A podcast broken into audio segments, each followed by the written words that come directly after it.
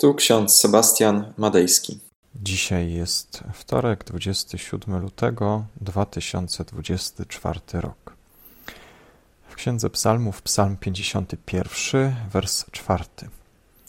Obmyj mnie zupełnie z winy mojej i oczyść mnie z grzechu mego. I Ewangelia Łukasza, 15 rozdział, 7 werset. Jezus mówi: Większa będzie radość w niebie z jednego grzesznika, który się upamięta, niż z dziewięćdziesięciu dziewięciu sprawiedliwych, którzy nie potrzebują upamiętania. Drodzy, dzisiejsze fragmenty mówią nam o oczyszczeniu z winy i o Bożym przebaczeniu.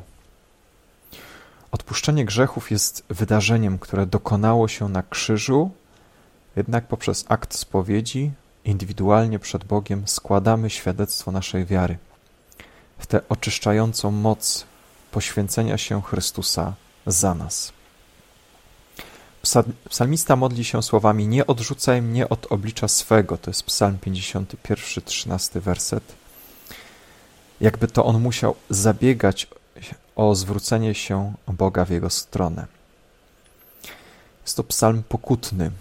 Jest to modlitwa wypowiedziana po popełnieniu przez Dawida grzechu cudzołóstwa i po morderstwie. Czy Dawid rzeczywiście musiał ubiegać się o to, aby Bóg nie odrzucił go sprzed swego oblicza? A może to król właśnie odrzucił Boga ze swojego życia, kiedy popełnił zbrodnię? Dawid popełnił grzech, ponieważ poczuł się jak Bóg. Wydawało mu się, że wszystko może. Grzech to moment takiego bezprawnego samoubóstwienia się człowieka. To znalezienie się w zaburzonej relacji z drugim człowiekiem i sprowadzenie bliźniego do roli przedmiotu. Dawid zgrzeszył właśnie takim postępowaniem. Wiara niweczy grzech, ponieważ wiara daje nam świadomość naszej grzeszności. Wiara to otwarcie się na Boże działanie. Nazwanie grzechu po imieniu, przyjrzenie się swojej grzeszności to tematy, które poruszamy w tym tygodniu. I ważne jest, abyśmy zadali sobie ważne pytanie, jak my postrzegamy siebie w relacji z innymi. Musimy zdać sobie sprawę, że grzech się pojawia, kiedy przestajemy widzieć w drugim człowieku bliźniego i w ten sposób dokonuje się pewna redukcja człowieczeństwa.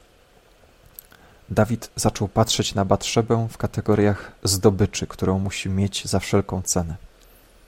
Jedna rzecz w niej mu nie pasowała, mianowicie miała męża, którego Dawid podstępnie usunął. Przychodzi prorok i porównuje Batrzebę do owieczki, którą zły sąsiad wziął i zabił, aby tylko za, zaspokoić siebie. Co ciekawe, w dzisiejszym fragmencie z Ewangelii Łukasza e, jest podsumowanie przypowieści o zgubionej owcy. Znamy tę przypowieść o owczarni. My często myślimy o sobie w kategoriach zgubionej owcy lub tych owiec, które w owczarni zostały. Jest to słuszna interpretacja. Jednak zapraszam nas dzisiaj do tego, abyśmy popatrzyli na chwilę na tę historię z innej perspektywy, ze strony pasterza, pasterz widzi, że jednej owcy brakuje. Zły pasterz zignorowałby sprawę, uznałby, że nie warto się narażać i nie szukałby jednej zgubionej owcy. Natomiast dobry pasterz zabezpiecza 99 owiec i szuka jednej zgubionej.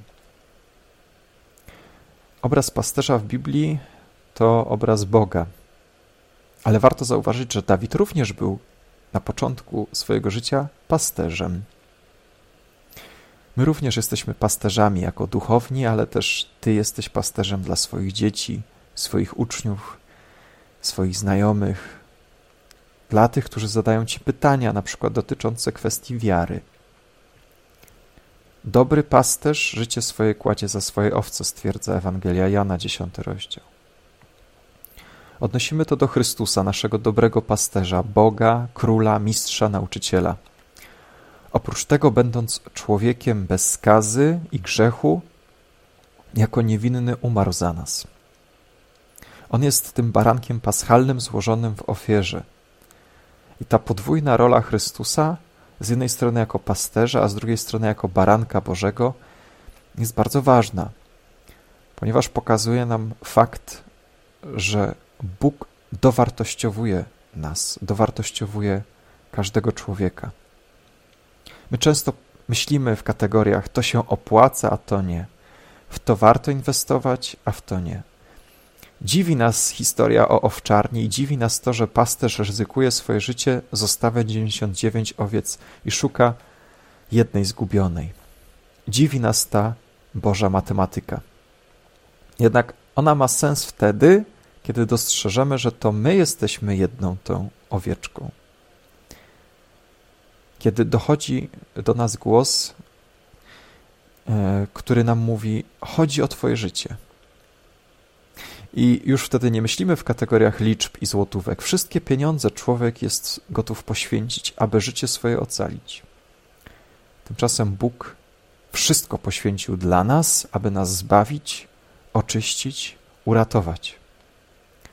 Jako ludzie traktujemy siebie nawzajem bardzo przedmiotowo. Natomiast nasz Bóg jest dobrym pasterzem, który życie swoje poświęca za nas. Czy przejdziesz wobec tego obojętnie, czy też nie?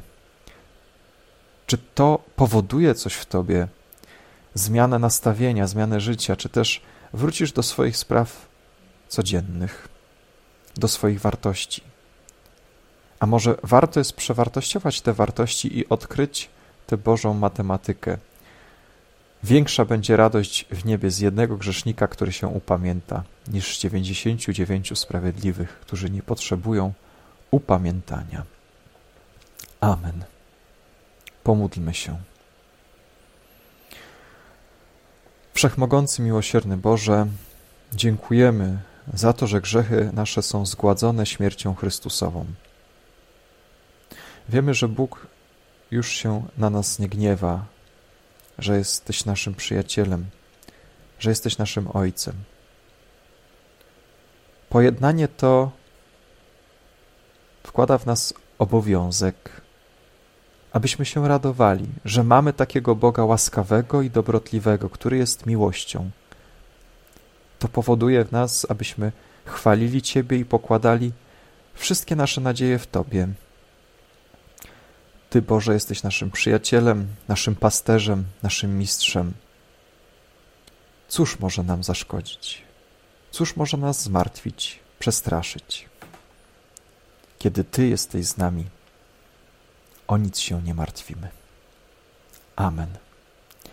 A pokój Boży, który przewyższa wszelki rozum, niechaj strzeże serc naszych i myśli naszych w Panu naszym, Jezusie Chrystusie, ku żywotowi wiecznemu.